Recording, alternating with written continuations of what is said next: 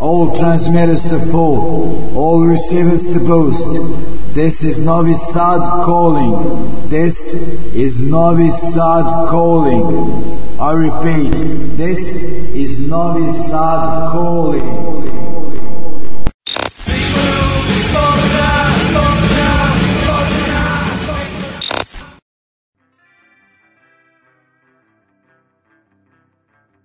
Dobro večer, dobrodošli u najnovije izdanje emisije Ljudi iz podzemlja.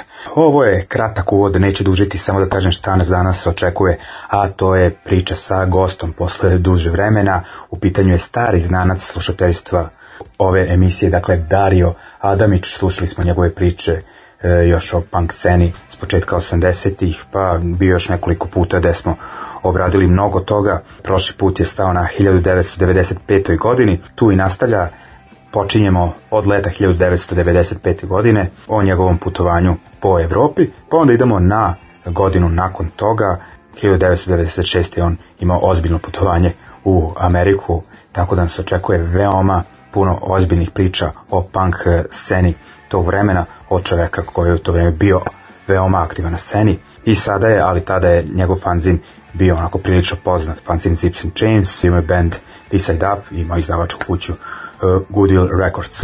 S obzirom da je nastanjen u Berlinu, gostovanje je bilo online, tako da ima nekih smetnji prouzrokovane valjda ovim slabim internetom u našim krajevima, ali mislim da vas to neće sprečiti ovaj, da poslušate emisiju, to je samo u nekoliko navrata. U svakom slučaju, dok ne počnemo, e, slušat ćemo jednu pesmu kao uvod po darijom izboru band Lifetime, e, pesma Rodeo Clown sa albuma Hello Bastards iz 1995. godine, Pitan Band, i New Jersey, onako bitan grad za punk i hardcore uh, u to vreme, a i band i to mesto će se spomenuti u večerašnjoj priči.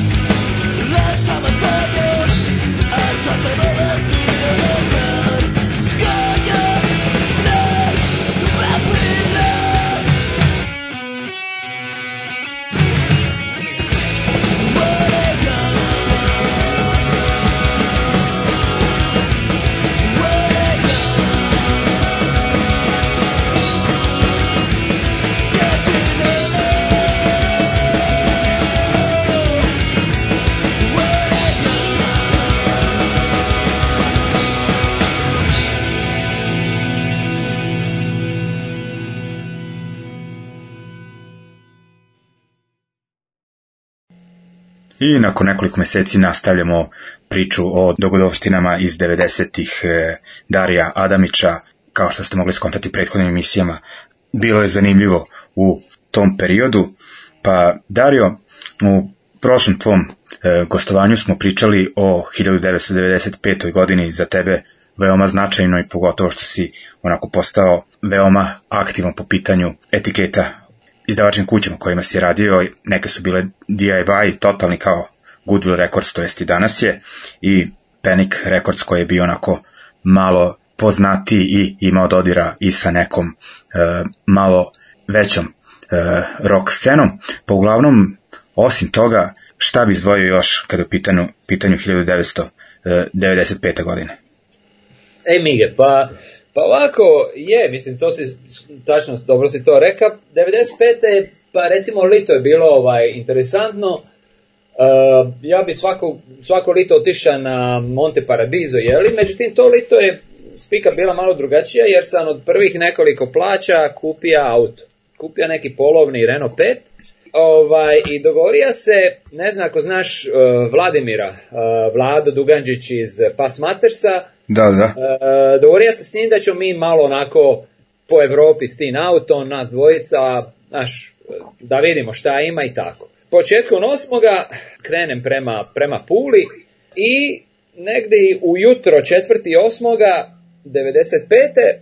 ja sam u prešao sam granicu i blizu sam najdošćine. Ja kontan idem se zaleti do ovog mog frenda Saše Kotnika i ovaj, da vidim malo šta on radi i tako prije nego što odem do Pule. I dođem do njega, ono, probudim ga ujutro, oni totalno mamurni, tamo se vratili s koncerta, bili su Lifetime i State of the Nation su svirali u Mariboru, a tamo nekoliko dana ranije su svirali u Rimu. I ništa, ono, dođem do njih i sad idemo mi na ovaj, kao ručat kod uh, Sašinih roditelja i ja njima kažem, evo ja idem u Pulu pa sam samo svratio tu da se javim. Pa kaže onima, jesi ti lud, pa zar nisi čuo, šta se dešava na radiju? Pa ja govorim, nisam, šta se dešava? Kaže, ne idi, ne idi, doli ti je masovna mobilizacija, kao ne budi lud. Kaže, ovog jutra je to počelo. I ja ono, frka panika, šta sad, i zovem ja doli ovog mog frenda psiha u Split, ja govorim, psiho, šta je ovo? Kaže, je neka operacija Oluja, e, masovna mobilizacija, počeli su tu akciju na ovaj Srpsku krajinu, Knin, livo, desno, kaže, počelo je jutros. Kao, nemaš pojma ono šta je ovdje, ka ne miči se, stoji u Sloveniji, ono, stoji gori. I sad ono, to meni totalno poremetilo planove, razumiješ, šta, sad u pičku materinu, imam, znaš, ono, ima na, imam auto, do ja se sad ćemo mi po Evropi, a ne mogu doći do, do, do Vladimira, ne mogu doći do Pule, evo. Hmm. Ovaj, ono, riskiram da me povuče kao vojsku ili nešto, ko zna. I, ovaj, i ništa, ja govorim, ha dobro, je bio mater, tu sam, bar sam kod Saše, da sam tu već reka Saši slušaj, znaš šta, ovaj, ne mogu sad u tebe tu visit bez veze, ide ja do Beća. U Beču živi ovaj Tiberiju, e, vjerojatno znaš njegovu etiketu Sakure Koizmo, znaš, sjećaš se ti? Da, da, da, da. Oni su radili, ne znam, mislim, prvi motus, pa su radili onaj Return of Jugoslavia, čini mi se. Onda masu tih nekih austrijskih bendova, uh, No Fish on Friday, čini mi se su radili ovaj Seven Sioux i Don't Survive the Plague i tako. Ja govorim, idem čak do njega i kaže Sašu meni, ajmo, ajmo, dolaze i ja i tako krenemo nas dva. I prije nego što smo išli uh, na granicu, svratimo do Dejana Požegara, ne znam, e, on ti je bija, mislim, pjevač u Wasserdichtu i imao je neku diskografsku kuću, e, distribuciju distribuciju walk I onda mi do, do njega i ono, napravimo neki trade, ono, uzmo neke ploče koje on izda. Sjećam se bili It's Not For Sale, ne znam da li LP, single i tako. Uzeli smo nekoliko ploča, možda onako dvadesetak i tako. I sad krećemo mi prema Austriji i na granici tip nas zaustavlja, ono graničar, kaže šta imate toliko ploča, vi to dilate, ste vi neki ono švercer, imamo tamo, mi evo od mater, znaš, ono DIY izdanja, razumiješ. A tip slabo priča engleski, njemu Sašo kaže it's not for sale, it's not for sale. I, I ti počne gleda ploče i stvarno vidi on ploču benda It's Not For Sale. I tek tu on nama povjeruje, kaže aha, evo vidim da piše It's Not For Sale, ok kao, mislim, tupina živa, razumiješ, kaže, ja sve ok, vidim, ja piše, kao može, može, ajdete vi slobodno i odiđo mi do Beća kod, kod Tiberija i on je živio sa, sa Wernerom koji je, koji je svirao u bendu Those Who Survive the Plague i tako kod njega opet neki trade, neke ploče, nešto, ostali par dana i onda otišli do Bratislave, ono, čisto vidjeti kako je to mjesto nismo ništa znali to je Bratislavi, ali to je blizu Beća, to je negdje po ure auto. Da. I tako malo šetamo po gradu i vidimo neki bar, pub, finog imena, KGB.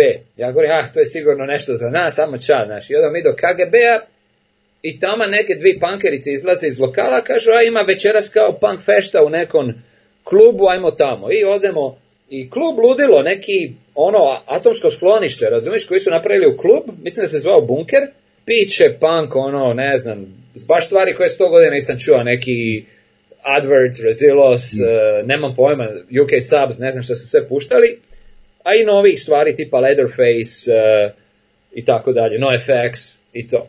I baš nama ono, fino se provedemo, sad se vratimo u ovaj, u Beč, pa opet u Vajdovčinu. Tu smo mi izgubili recimo možda 4-5 dana, u međuvremenu ovaj, ta oluja prošla, jeli, sve se završilo, ja zovem ovoga e, Vladimira, a Vladimir nije bio posto siguran da će moći, jer on je uvijek nešto kuburija s parama. I kaže, Vladimir meni kaže, e super, super, sve se potrefilo, e, će mi stari 500 maraka, ali moramo prvo otići u Beć, jer stari mu valjda u Beću živi tad. I ja ga e, jebeo mater, tamo smo došli iz Beća, ali dobro, nema veze, idemo u Beć. I odluče i Sašo i njegova cura Patricija da će i oni s nama po Europi i tako mi krenemo s dva auta, razumiš, uđir, ono, znam da smo jedna od prvih štacija gdje smo stali je bio nekom isto Salzgitter i u njemu su svirali Total Chaos. jer se sjećaš ti tog benda? Američki bend. Amerikanci. Da, bili su na epitafu jedno vrijeme, tako? Da, ono, mislim, nikoga nije briga za taj Total Chaos, ali eto, ono, to je bio neki koncert uz put, i dođe mi na taj koncert, jedno možda 150-200 ljudi i negdje u pored zida, baš ono u kraju, u mračnom kutu tog, eh, te sale gdje se sviralo, tip, ono poznata faca i to ovaj, mislim da ćeš ti znat njegovu etiketu, zove se Honey Records, prije da, radija Vinyl. Da, oni izdao i Kud Idiot, ili tako? Ja Pa je, je, je. Ili je, znači, Uf, ne mogu da setim, e, ali... Ne, je radija uh, Inkognito, da, da, da, ali se nešto... Da, a, a je radija Ristetit, kao s, uh, e, šta, finskih bendova. Hip da, sistemi, šta još on radija? Uh, Ratus je radija singlove. Prije ima etiketu kada se zvala Nesti Vinyl, a onda Hrni Records. Da, A on je bio dobar friends od, friend od Vedrana Moćiboba iz Pazina. Ja sam njega u biti na Monte Paradizu upoznao. I baš i on tamo, ono, napušija se, ono, jebe se njega za tolka, Total Chaos. Stvarno nikome nisu bili napeti, ono, ti, eh, mm. taj band. I ništa, nakon Total Chaos odao mi do Amsterdama i tu je bio neki tip, mislim iz Zagreba, da je on nas primija, ono, izbjeglica tip, ono, pobiga iz Hrvatske kad počeo rat. Ja smo bili kod njega i, ovaj, ja sam ka, znam za ovaj, znaš za Wort and Vis Festival? Tu u Belgiji. Bravo, u Belgiju, u Iperu, ta Wort and i to je taman počelo. Mislim da je ovo bila druga godina, 95. Mislim da je 94. bilo prvo izdanje. Ovo drugo, ja kažem njima kao, amo čad do tog Wort and Visa. I odemo mi na Wort and Wiss. Ono, to je uglavnom neka straight edge scena bila. Bili su, ne znam, Donuts, e, Šveđanke, bili su Main Strike, bilo je masu bendova iz Italije u biti tu godinu. Mislim, Comrades, Burning Defeat, Time Bomb, masu toga. I ne znam, ni, Saši, ni Vladimiru to nije bilo napeto i tako da oni kažu, pa znaš šta, ova, idemo mi nazad do Amsterdama, ti ono, kad završi festival dođi, jevi ga, imamo dva auta, nije frka. Tako, ništa, ja osta dva dana na festivalu, a dogovor je bio valjda za, ne znam, dva dana da se nađem u podne na nekom trgu. E sad, to ti je 95-a, niko ima, ni ima ni mobilne telefone, ni ništa, znaš, ono, ne pojavi li se neko tog dana u podne na tom trgu, nećemo se mi više naći, razumiš, ono, nemaš, nemaš e, mogućnost ka komunikacije. Međutim, sve je ok, ono, vratim se, evo, Amsterdam, tačno, oni bili tu u podne, čekali mene, ono, učinili još par dana džir po Europi i onda, ono, vraćali se, mislim da je Saša i Patrice su se morali malo ranije vratiti jer je neko od njih radija, a ja i Vlado onako polako, ka malo pomalo, s tim da, da nas još usporilo to što sam ja u jednom momentu zaključio auto sa ključevima unutra. I ono, šta sad ide ono. I onda, se, onda smo radili neke omče i pokušavali ono uvatit kvaku, razumiješ, da otvorimo nekako vrata i to nas je ono usporilo, ne znam, po dana. Jedan mater, ono, avantura živa. I tako da to je recimo bila ono, recimo 95. Uh, e, lito i sad uh, e, 96. to je već onako godina di se dosta, dosta toga desilo. Jel?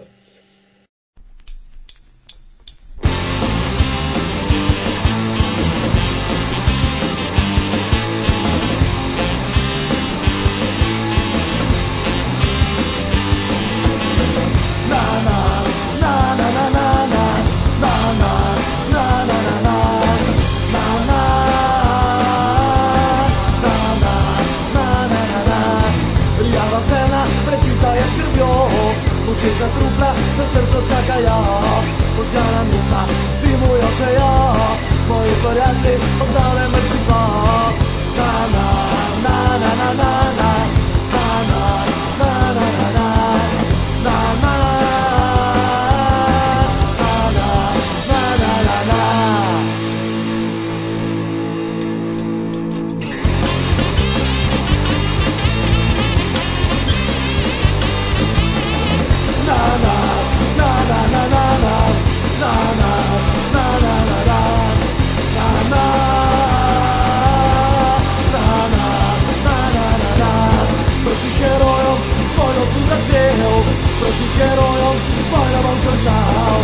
bandeira Devolves é como leu você é é eu cedo, te lo daré Não, não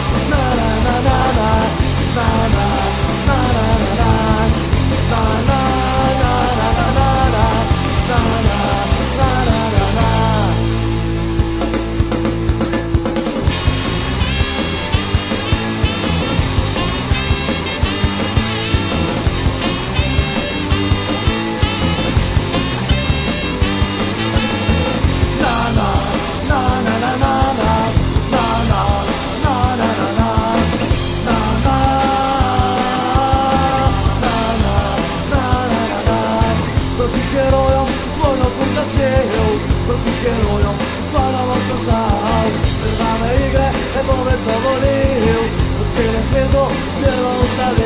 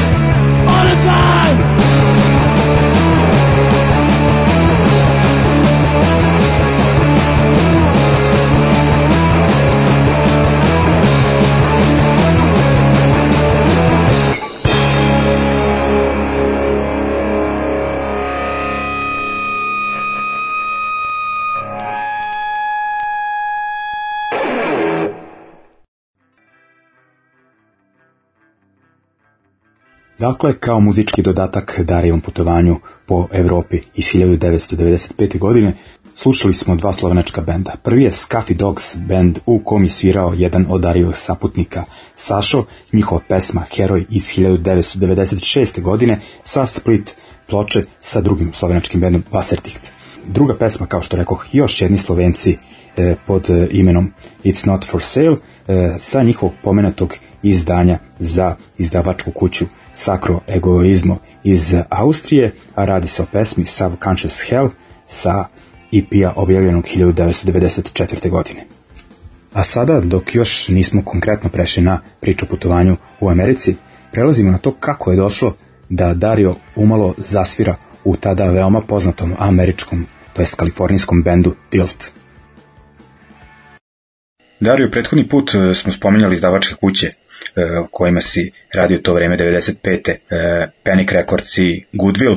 Sada ulazimo u 96. To je i dalje vreme kada je onako punk i nezavisno, nezavisno izdavaštvo bilo zaista jako, pa nekako izvoj neke aktivnosti tih izdavačkih kuća koje su bile zaista bitne za tebe, onako i što se tiče, da kažem, tvojih povezivanja s ljudima i nekako šta je bilo ispraćeno najviše od strane publike. Pa da, ovako, znači, 95. su te, ta dva izdanja za Goodwill izašla, Overflow i Do It Yourself, a za 96. smo kao pripremali da ćemo raditi nekakav single, This Side Up-a, na je to ispalo da ćemo raditi ovaj split sa White Frogs, e, na poslu, jeli, tamo gdje sam radio Helter Skelter su ono rekli kao ajde ajmo čak pokrenuti etiketu, ti imaš dosta tih kontakta, kontakata po cijelom svitu, ajmo naš, ono, se recimo na, e, na melodični punk i radi nekako te bendove i bila je odluka znači, napraviti jednu kompilaciju sa naizmjenično najizmjenično talijanskim i svjetskim bendovima i to je ta prva kompilacija uh, No Time to Panic i to smo negdje počeli, mislim, 95. radili, 96. je malo pomalo to sve ovaj silo na svoje misto. I mi smo 96. Eh, ono kontaktirali bili i Fat Majka, li da vidimo ako nam može dati neku stvar od NoFX, on nas da NoFX. Ja kažem, eh, nama se na, tvo, na tvojoj etiketi masu sviđa band Tilt. Znaš za Tilt, jel? Da, da, da. Da, onaj band sa ženskim vokalom eh, iz Oaklanda, znači Bay Area, jeli, blizu San Francisco. I kaže, Fat Mike kaže, ka cool, ono, nema nikakvu njihovu stvar da bi vam mogao dati, ali evo ti broj, kao, njihov, pa, pa im se javi, znaš, ono, pita ih direktno, kao, ja govorim, aj super, i nazovem ja ovaj Sinder, Cinder, Cinder Block, ona je pjevačica bila, ona je imala biznis sa majicama, štampala je majice bendovima, ono, ne znam, tipa Sam I Am, Mr. T Experience i tako dalje, Nazovem ja nju, ja govorim, ej Cinder, kao, ode Adam, jeli, iz uh, Helter Skeltera, radimo kompilaciju, imaš možda ku stvar da je neobjavljena da, da bi mogli staviti na ploču. I kaže ona, pa imamo mi stvari, ali problem što ne možemo snimiti. Kaže, kako ne možeš snimiti? Ovdje, ne znam, bubnjaš, nogu, šta je? Mislim, kako ne možeš snimiti? Kaže ona, ne, kao izgubili smo basistu, i naš ono, ne možemo nikako naći zamjenu, razumiješ, evo, troje nas je bubnjar, gitarista koji je bio njen momak i ja, ali kao nikako da nađemo basistu. I ne znam kako ona poveže, mislim da ona znala da ja sviram bas i kaže, evo zašto ti ne dođeš svirat bas za tilt, kao ja ću ti sredit vizu, dođi tu, radit ćeš kod mene u dućanu ovih, u, u štampari majica, kao stvarno nam treba basista. I ja ono govorim, mislim, aj fala, razmislit ću, ali meni je falilo dva ili tri ispita do kraja faksa i imam bend, šta ću sad ići u Ameriku nešto svirati u tiltu, razumiješ, kao. Međutim, meni padne na pamet da znam e, friend jedan moj, uh, Francesco zvani Čičo, je svirao bendu koji se zvao Guasta Feste. To je bio onako lokalni bend Forte Pernestino, oni su i, e, svirali kao support band kad bi neko došao i svirao u Forte Pernestino. I on je bio veliki fan ono, cijelog Fat Freka, Tilta i tako dalje. I ja njemu kažem, slušaj, Tilt, ovaj, traže basistu, oni su, pitali su mene, ali, znaš, ono, nema šanse da ću ja sad nešto ići u Ameriku. A njemu je bio nekako san, znaš, otići u Ameriku i kaže njemu, bili ti. I on ti čovječe ovaj, e, nasnimi bas dionice od svih tih njihovih pjesama s prvog albuma na kazetu i pošaljem kazetu na adresu u Ameriku. Hm. Ja se javim Sinder, ja govorim čuj, neću ja svirati bas u tiltu, ali našao sam ti tipa. I stvarno oni se dogovore i ode Francesco za, Ameriku svirat e, bas u tiltu i ovaj, ono super ka, bar, baš mi je bilo drago nekako, uspija sam pomoći i frendu i bendu.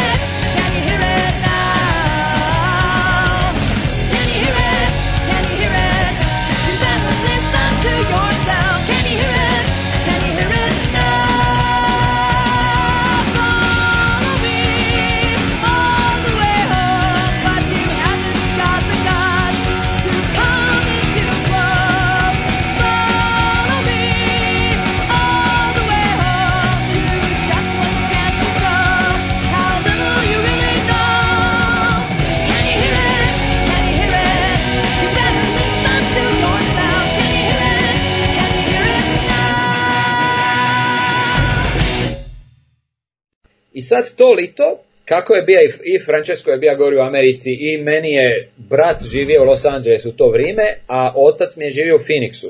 Ja govorim, znaš šta, ono, amo do te Amerike, vidi šta je, šta je to, nisam nikad bio, amo I ja sam pričao sa frendom uh, Andreja, njega smo zvali Venezuela, on je svira onda u Komrejcima, pa u bendu koji se zvao Bruma, s kojim smo išli na evropsku turneju, pa nakon toga u bendu NTU, Mislim, vjerojatno znaš te bendovi. Bend je NTU je svirao u Sadu pre e, nekih 5-6 godina. Tako. E, pa on ti je bio pivač, Andreja.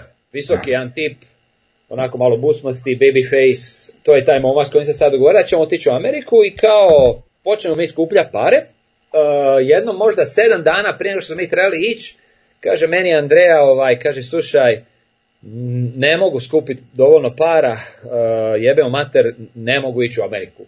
Ja govorim, ma znaš šta, nema frke, iću ja sam, jebi ga kao ono, lipše ići sa, sa frendom, ali ako ne moš, ne moš, šta?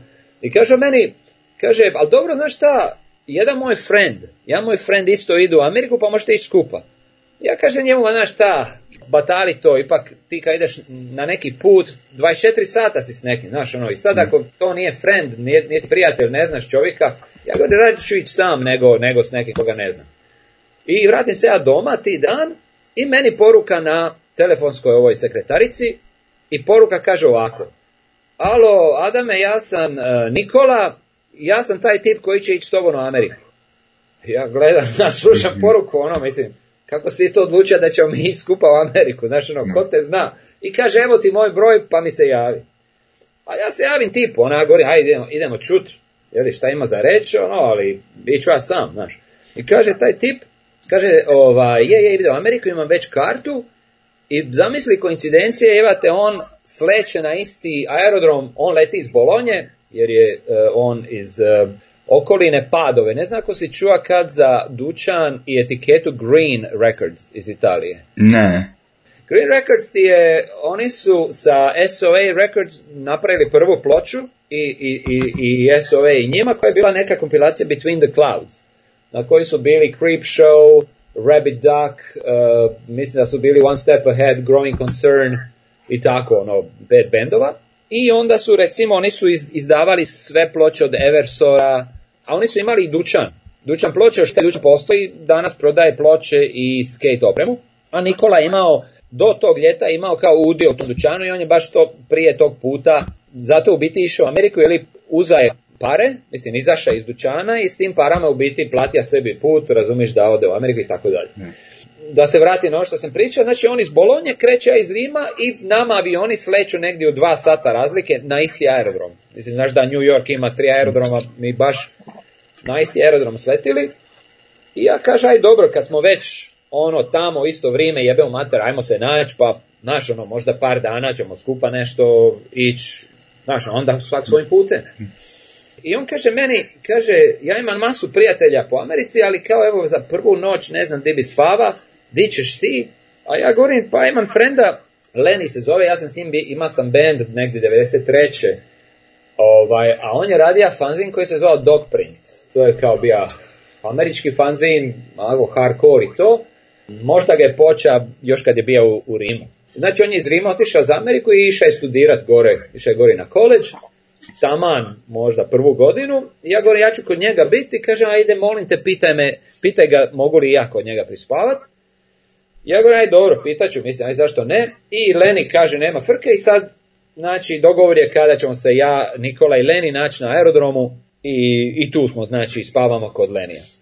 I tako odem ti ja za Ameriku, e, sleti na aerodrom, stvarno nađemo se ja, on i Nikola, i idemo jeli, kod Lenija, večera, spavanje i to to i sad počinje avantura, počinje ta američka avantura, ja sam imao kartu, mislim, za dva mjeseca, dva mjeseca kasnije mi bio povratak, jer kontan kad već potrošiš, ne znam, tisuću eura je bio materi, moraš to nekako, ono, moraš to vrijeme iskoristiti, znači ja sam konta, idem gori, ostaću dva mjeseca i iću malo, coast to coast, Zanimljiva stvar je, prije nego što sam krenio, E, čuo sam za jednu jako dobru šemu gdje ti možeš dobiti besplatno auto u Americi. Znači, e, praktički kad se čovjek seli, recimo, ne znam, ti živiš u Njorku i odlučiš jednog dana se preseli u Los Angeles a, i sad trebaš preseliti svoje stvari. Znači ti uzmeš avion, stvari staviš na neki kontejner ili nešto da, te, da ti ih prevezu ili na kamion da ti ih prevezu do Los Angelesa, a auto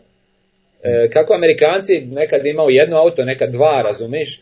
I sad možeš ti auto otići do Los Angelesa, ali ako imaš dva auta, razumiješ šta ćeš s drugim, ne možeš dva auta voziti. I onda ga daš firmi i to košta, mislim, 800 dolara, mislim da je ta cijena, i onda ti ga ta firma doveze do Los Angelesa. A sad, da firma treba plati vozača, njima se to ne bi isplatilo. I onda šta rade? Onda tako turisti, recimo kao ja, dođu u tu firmu, kažu ja ću ti voziti to auto od Yorka do Los Angelesa i ti dobiješ to auto besplatno. Znači, mm. moraš platiti neki depozit, mislim da je bio 300, 300 dolara, i tih 300 dolara dobiješ nazad kad isporučiš auto i oni ti dao jednom 10 dana vremena i možda pun, uh, pun rezervoar goriva. I to koristi dok ima, a ovo sve što trebaš jeli, uh, e, nadopuniti, to plaćaš iz svog džepa. Znači, u biti, mm. mene taj prvi cost to cost košta 70 dolara. Mislim, ono, ništa je to. Besplatno auto, samo plaćaš benzinu. A benzin zna jeftino u Americi, to znaš. Da. I ovaj, i sad, znači, prije nego što sam u Ameriku, meni jedan tip iz Firenze, koji je radio fanzin uh, Komo Kaka, kaže, kaže da tu šemu, kaže ta se šema zove auto, uh, auto drive away, znači auto drive away i postoje, pa neću reći u skoro u svakom gradu, ali u celoj Americi. I mislim da ta firma još uvijek postoji. Znači, ako neko želi ići u Ameriku i ono, pići okolo u autu kojega ne košta ništa, uvijek može naći, ono, naći tu firmu i vidjeti imao li koji auto za neku destinaciju di tebi odgovara, jel? A, tako da, ovaj, ja sam tog tipa nazvao, on mi je rekao, objasnija kako se to zove, gdje ću ih naći. I jako je zanimljivo da taj tip koji je onda živio u Firencu, sad živi u Berlinu i mi igramo na ping pong onako jednom tjedno, razumiješ, tako ono, small, small war što se kaže. Polako se približavamo i samom Darijom dolasku u Sjedinjene američke e, države. Kao ud mislim da bi bilo savršeno da slušamo band Mouthpiece i njihovu numeru Cinder e, sa albuma Face Tomorrow iz 1995. godine. E, band će biti spomenut u narednom bloku, a dolazi iz grada New Jersey-a u kom je Dario imao zaista uh, ubitečan prvi dan o čemu ćete slušati nakon pesme.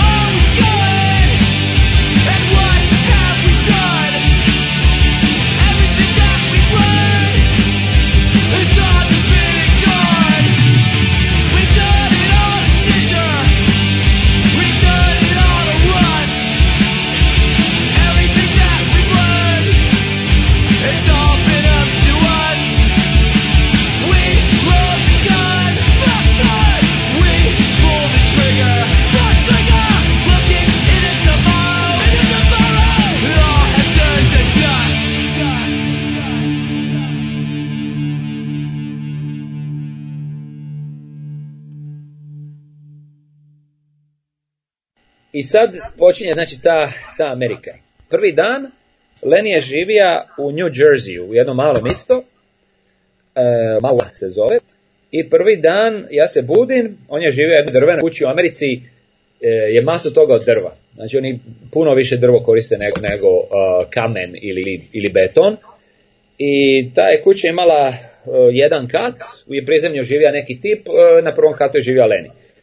Ja se budim, idem da ću napraviti doručak i čujem onako neko, neko tupo kucanje, nešto ono ovako, znači čuješ pa onda opet i tako dalje. Ja pogledam kroz prozor i vidim ženu drži pušku u ruci i baca ovaj kamenje na kuću. Ja govorim, koje je ovo ludilo, razumiješ, šta ovo? I sad probudim ja njih dvojicu, ja govorim, evo ekipa dođite, i mi ono kaj crtanog filma, znaš, čirimo iza, iza prozora, ono lagano se dižemo, znaš, do prozora i, i, i pokušavamo vidjeti šta je, kada ono stvarno žena viče nešto, razumiješ, drži pušku u ruci i baca to kamenje na, na, na kuću koja Leni živija. I mi ono u pičku materiju, znaš, šta je ovo, ova želi ubiti nekoga, znaš. I čujemo mi kako priča, kaže ona, uh, you killed my brother, now it's your turn, I'll get you motherfucker. Znaš, ono le, znaš, neko on je ubija brata u pičku, u materinu, znaš, ono, ovo je opasno, evo, di sam došao, znaš. I u jednom momentu ona kaže nešto poput ti kosoki piece of shit. I on skuži, Leni skuži, aha, meni je susjed, ne znam, kinez, vjerojatno je ono nešto protiv njega, ne, nije, za nas, na, sve ok. A ja govorim, aj dobro, kaj je sve ok, jebe u mater, znaš, i sad E, spremimo mi ruksake, mi smo samo tu jednu noć bili kod Lenija i idemo znači e, do njegovog auta sa ruksacima, stavimo ruksake u, ovaj porta paki, to malo parkiralište, li to je možda 10 metara za 10, je tamo iza njegove kuće i ta žena je tu. I mi prođemo pored nje, razumiješ, jeveo evo materes, usrali smo se u gaće, jebate, ona spuško, znaš. I stavimo stvari u auto, sidemo u auto i sad e, on ono, čini manovar za izaći s tog parkirališta i u manovru on mora proći tačno pored nje. I ja pogledam nju, kad ženska diže pušku jebote na nas i cilja. I ja govorim u pičku, u materinu, i znaš onaj prostor gdje ti držiš noge kad si suvozač. I ja se bacim doli, ono, smanji se, manji sam bio od makova zrna, baci se u taj prostor, ja kažem, Lenis, piči u pičku materinu, ono, upucat će nas. I onda gasa, mi uspijemo nekako izaći svega toga, ženska nije, nije ispalila metak, a ja govorim u pičku materinu čovječe, gdje sam ja došao, mislim, ovo je, ovo je ludilo. I ništa, ono, kao, sve okej, okay. E, na večer je bio koncert, ono veliki koncert u nekom mislu koji se zove Middlesex College, u kojemu su svirali, svirali su Battery, Endeavor, Mouthpiece, to je bio bilo navljeno kao Mouth Peace uh, Last Concert i Earth Crisis. I mislim još jedan band, da je bilo pet bendova. I ono mi, aj super, idemo, kao jebemo mater, Mouthpiece, zadnji koncert, idemo to gledat. I dođo mi, uh, to je znači college, to je čisto jedna sala na koleđu, dođo mi tamo i masu ono scene, razumiješ, maso ekipe ko sam zna, recimo preko pisama, recimo bija je gitarista iz uh, Ten Fight, bija tip koji je radija Very distribuciju, Uh, bio koji je radio Trust Kill Records i ono, eh, poznao se malo s ekipom i tako. Odsviraju Endeavor, odsviraju Battery. Battery su meni jako, jako napet band bili. I tako, znali su ih ljudi, ali nisu bili nešto previše poznati. I kao eh, četvrti band nastupe Mouthpiece i vidiš, mislim, Mouthpiece iz New Jersey, a vidiš to je njihova publika, svi ono skaču, stage diving. Mislim da je većina ljudi koji su bili na tom koncertu došla zbog njih. I zadnji band koji svira su ti Earth Crisis. I Earth Crisis svirao kao headlineri, međutim malo je manje bija nekako, ajmo reći, odaziv na Earth Crisis nego na Mouthpiece. Ipak, znaš, nisu doma, ali vidiš, jedan dobar dio publike, možda njih 100-150 je luduje li na Earth Crisis. U jednom momentu tip se popne na binu u, u pelici. Znaš šta je pelica? Ne. Pelica ti je, mislim, znaš ono što stare žene nose, pogotovo u Rusiji, e, od, od, od, od životinje. Aha. Kako se to zove? To bunda. Bunda, da. Bunda, eto, bunda. znači, u pelici se e, pope na binu, diga ruke u zrak i napravi stage dive. I sad možete i misliti, jebate, Air Crisis, ono, vegani zakleti, on njima u, u pelici, razumiješ, provocira, penje se na binu, razumiješ. I istrči on iz te sale gdje je bio koncert, gitaristi Earth Crisis bace gitare na podi, svi za njim. Kao linčeva će ga sad, razumiš ono. Mislim, to je nešto, ne, ne možeš vjerovati. Međutim, e, tip je bija, to je bija pjevač benda Ink Dagger, ako si možda čuo za njih. Mhm. Ink Dagger su bili iz e, Filadelfije, tako dosta onako ajmo reći kontroverzan i band, a i lik. Ono, znači, on je to sa namjerom planski uradio. Da, da, da, da, da, to je bila provokacija. Međutim, šta je, on nije došao sam tu. Nije on došao sam pa kao sad ću ja provocirati i onda dobiti batine, mislim, nije lud. Nego on je došao sa ekipom, njih je bilo možda 50 iz Filadelfije, ekipa recimo iz benda Ink and Dagger, on se, on se zvao e, Sean McCabe. Tip je umra možda 3-4 godine kasnije, e, mislim da je umra u snu nešto ne znam je bio alkohol ili droga, bilo je povraćanje i on se u biti ugušio u svoj e, u svojoj rigotini, jel? On je umre 2000, četiri godine kasnije, znači. I on je, znači, bila je ta njegova ekipa i u biti šta, koja je situacija sad? Imaš jedno 200 ljudi koji su izašli iz, eh, iz te sale, hodnik od koleđa, jeli hodnik od koleđa, gdje vidiš tipa u toj delici koji trči, između njega i ovih iz Air Crisisa i svih njihovih ono, eh, followera stoji jedno 40-50 njegove ekipe, znači koja nastoji napraviti neke vrste kordona između tipa i ovih koji ga žele linč, linčovat i nakon njih još jedno sto ovih fanova Dark Crisis, predvođeni gitaristima, mislim da i pjevač isto bilja e, tu, i, i nakon toga još jedno 200, možda 300 ljudi koji žele vidjeti šta će se desiti, razumiš? I čovječe, dok si ti reka keks, tu je bilo osam policijskih auta, prekinili koncert, dajmo ekipa, svi doma, vamo tamo ja kažem sebi u pičku materinu ko sam ja ludu zemlju došao razumjeti. Pa vidi šta se ovdje dešava jebat. Ujutro me oče upuca puškom. večer isti dan ono, oče linčova čovjeka jebate. Prvi dan u Americi i, i ono, sve ovo se dešava, ja govorim jebate led, ovo treba preživit, neću ja ovdje dva mjeseca ostao u pičku materinu. I to ti je bio ono, prvi dan u Americi.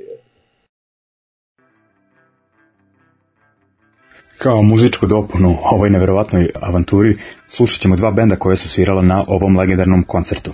Prvi će biti Battery i pesma That Will Never Be Me sa albuma Until the End iz 1996. godine, pa potom Earth Crisis sa pesma Firestorm sa istoimenog EP-a iz 1993. godine.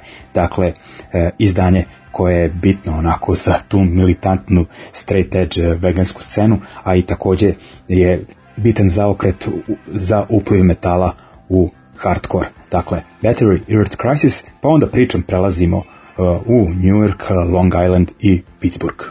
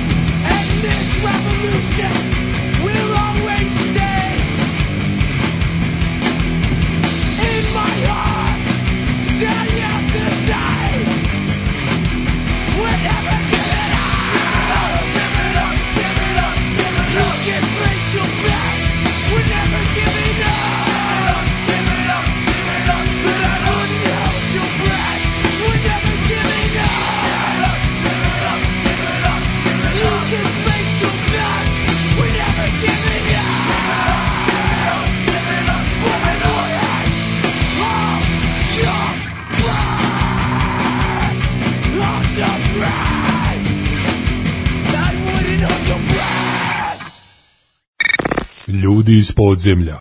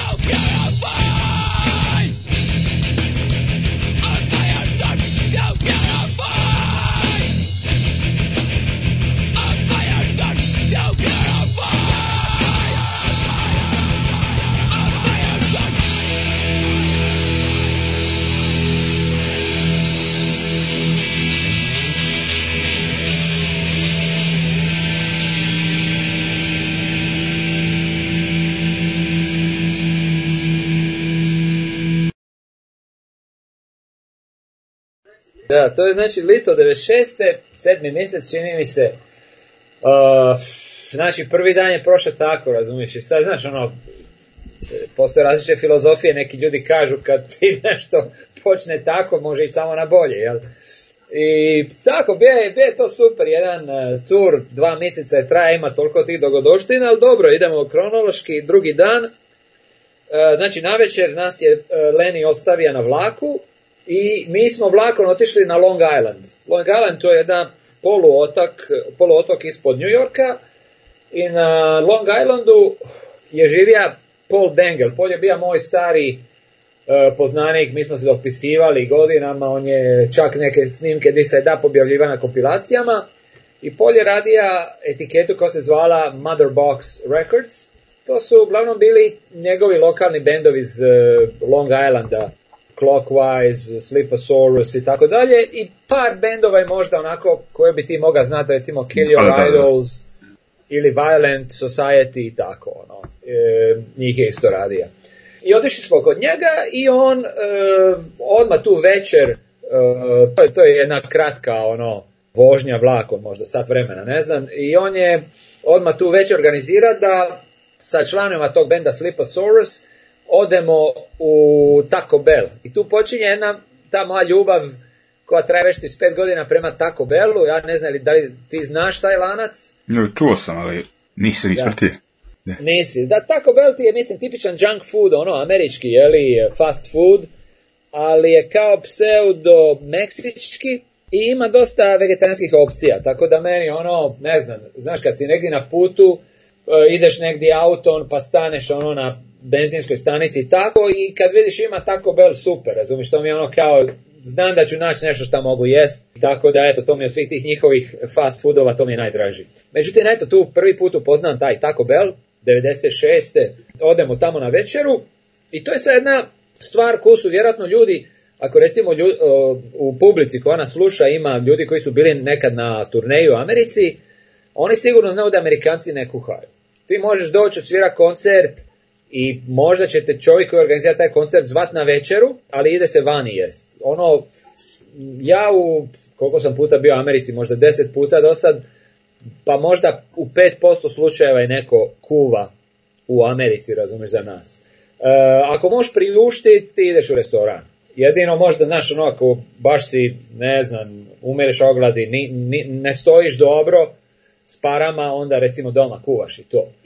Tako da, mislim, to je bilo isto, to je nekako tipično bilo, odvede nas polu taj e, tako bel na večeru, jel i sad vraćamo se doma, ja kaže Nikoli, suše prije nego ovaj, odemo doma, ajde da nas baci onda samo posluke da uzmemo nešto za doručak, znaš, ono, čovjek nas prima na spavanje, nećeš mu se još grebat za hranu, znaš, ja govorim, ono, neki kruv, maslo, nutelu, nemam pojma, jel, i kaže Nikola, ma ne, ne, ja ti, ja ti ne doručkujem, ja nikad ne doručkujem, uzmi ti. I kupi ja, znaš, ono, mliko, kruv, e, nutelu, tako, znaš, ono nešto za ujutro, idemo na spavanje, i sad ujutro se ja budim, e, polje i žena su išli na posal, i gledam okolo i ne vidi Nikolu, znaš. Međutim, čuje se nešto iz, kuh, iz kuhinje, znaš, nešto, neko šuškanje, i dođem ja u kuhinju i toči Nikola moje mliko i, i, i maže on nutelu, Ha, govorim, šta jevate, mislim, ono, nisi rekao ti ne doručkuješ.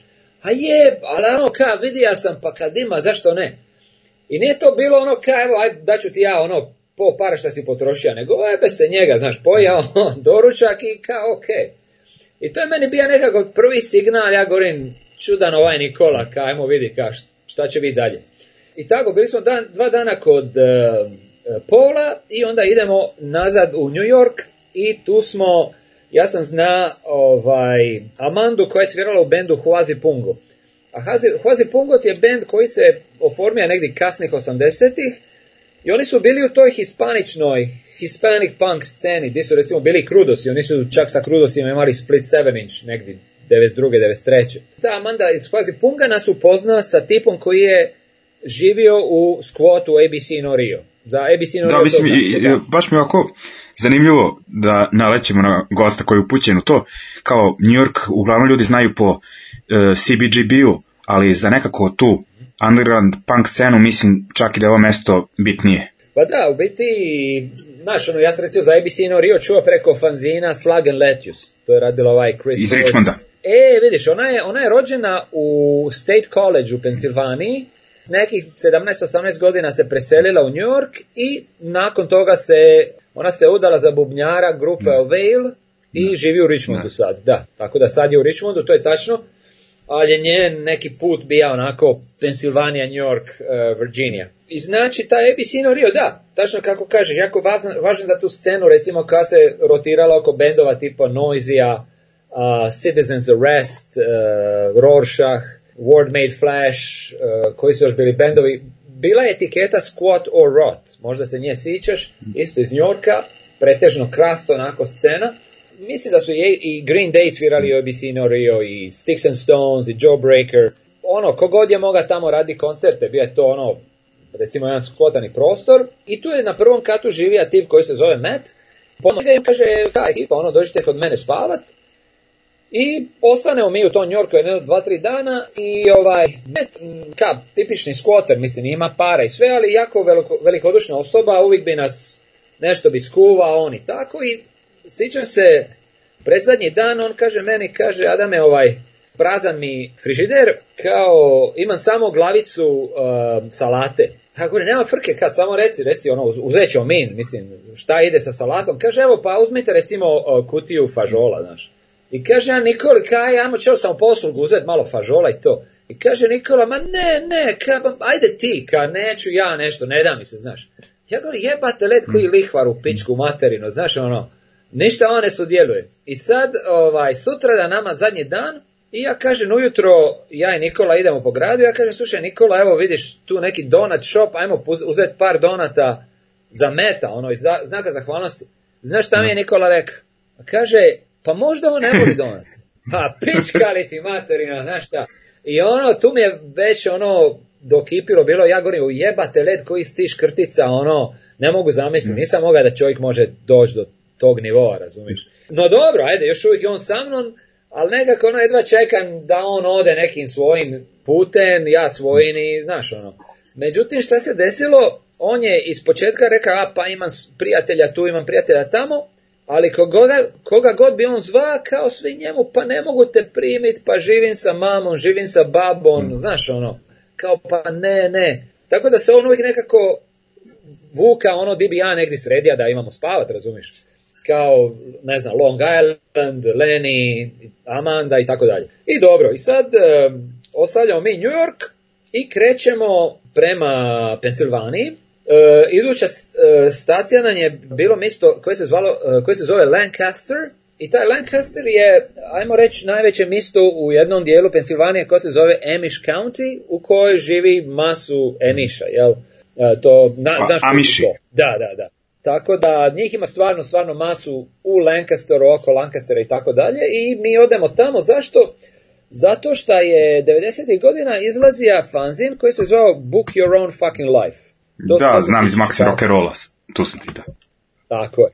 Tačno, Maxi Roll ekipa, oni bi se svake godine organizirali da u suradnji sa nekim kolektivom iz Amerike odrade uh, jednu ediciju tog fanzina, znači uvijek maksimum, a svake godine drugi neki kolektiv, i te godine, ja mislim da je to bio jedan od ranih Book Your Own Fucky Life, možda dva, možda tri, tako nešto, mi sa sobom poneli kopiju i tu bi ti naša etikete i radiostanice i bendovi i to, ali e, bilo bi ljudi koji bi napisali kao ako vam treba prespavat, evo nudin, e, ne znam, to bi se zvalo crash pad, znači negdje može ono provesti noć.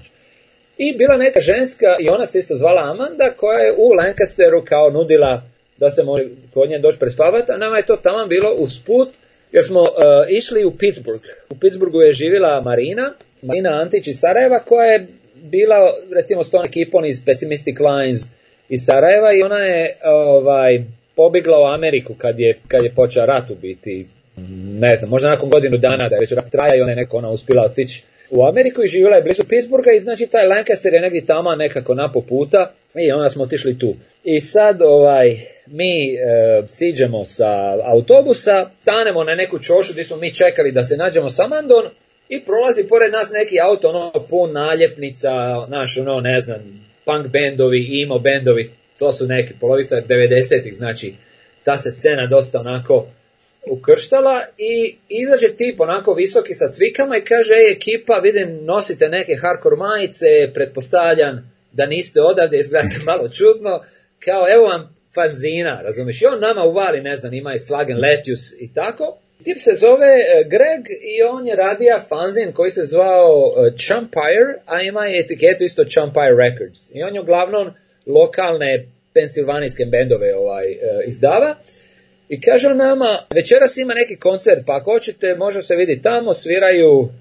Dutchland Diesel, Latex Generation i ne mogu se sjetiti, tri su benda bila i u to dođe Amanda, ona odvede nas doma i tako, prespavamo mi kod nje, odemo na taj koncert, put, put Pittsburgha, mm. jeli, idemo kod, e, posjetiti Marinu i e, do Marine i ostali smo kod nje, mislim, dva, tri dana Yeah.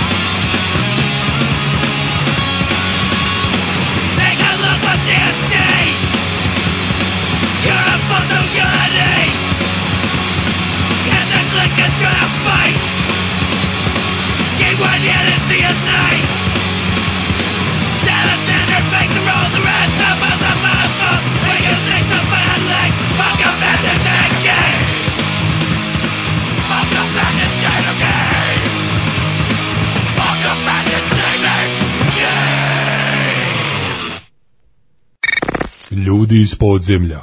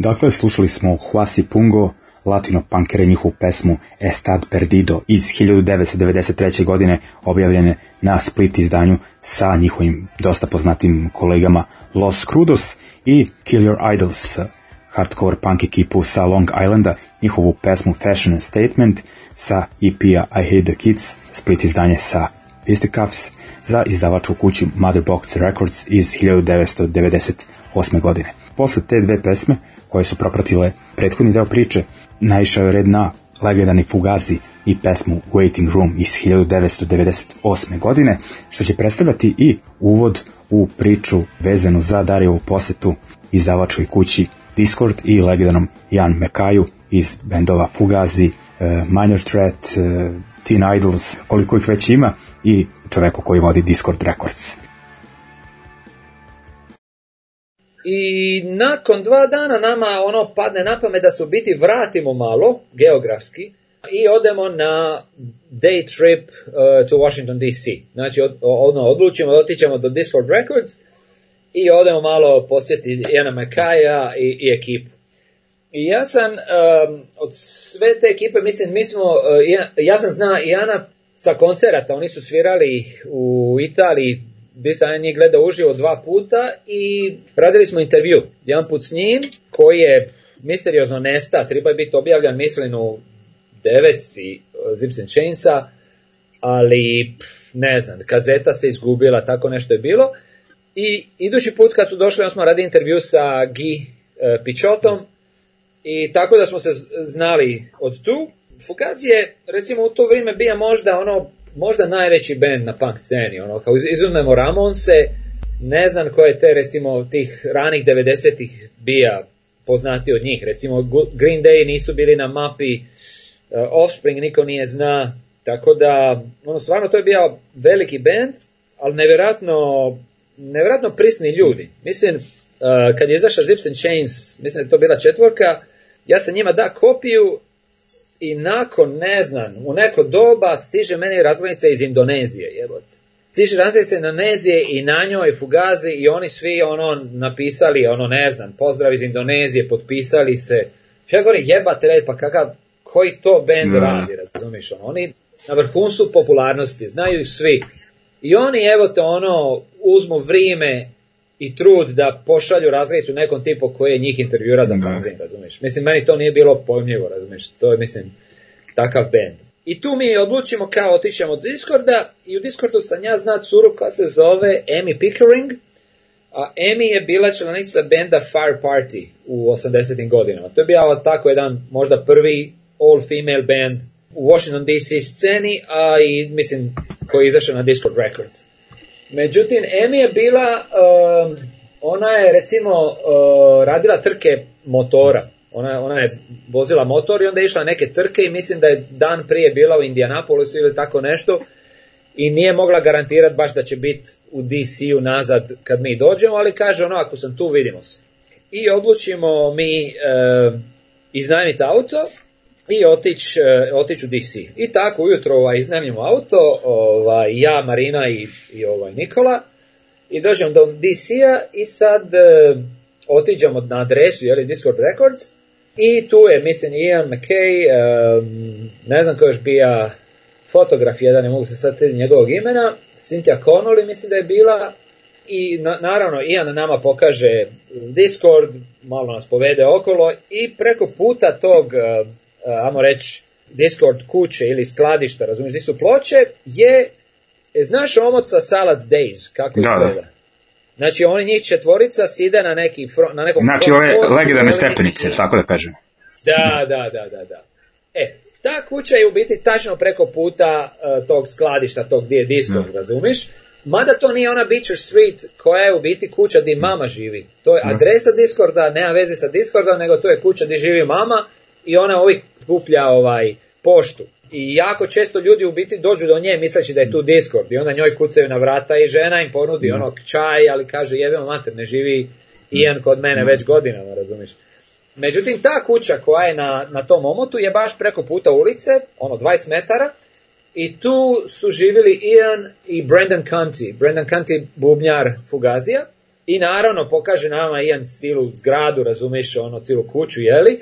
i od, od, odvedan su podrum i kaže evo to u podrumu tu su svirali Minor Threat i čovječe taj podrum to ti je visoko negdje metar i pol ti ne možeš stati na noge u njemu oni su svi vježbali sjedeći i mislim to, to je meni bilo nešto nepomljivo razumiš u tom podrumu Minor Threat vježba sjedeći a dođu na koncert i ono to je tako mm. energija evo te mislim eh, ne znam Znači, ono, bilo mi je teško vjerovat kad sam vidio kako taj podrum gdje su oni vježbali no. izgleda, i tako, završimo to i kaže Ian, kaže šta voziš?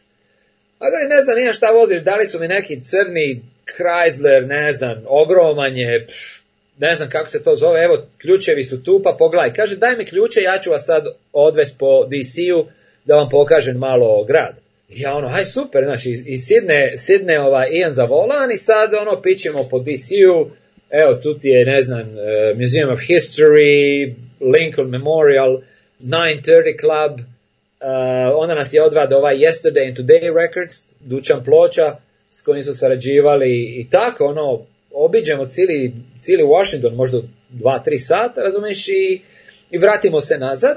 I u to je došla i Amy Pickering, koja je tamo se vratila iz tog Indianapolisa, nađao se malo s njom i onda, ok, povratak u, u Pittsburgh. Ovim ćemo polako i završiti večerašnje izdanje emisije Ljudi iz podzemlja. E, nadam se da vam je bilo zanimljivo. Meni jeste dosta neverovatnih priča, koliko tih e, ličnih anegdota, toliko i zanimljivosti vezanih za hardcore punk scenu tog vremena. Završit će Dario priču o Americi za nekih mjesec dana kada se čujemo ponovo sa njim, a e, večeras da završimo emisiju u maniru, dakle vezano za priču i da posvetimo E, veoma bitno izdavačkoj kući Discord Records. E, slušat ćemo Dag Nasty, pesmu Circles iz 1986. godine i pomenuti band Fire Party sa numerom Walls of Mind iz 1988. godine. Dakle, oba benda na legendarnoj izdavačkoj kući Discord, tako da vam uz ove dve pesme želim prijatno večer i kažem ljudi, čuvajte se i slušamo se naredne srede od 20 časova. Pozdrav!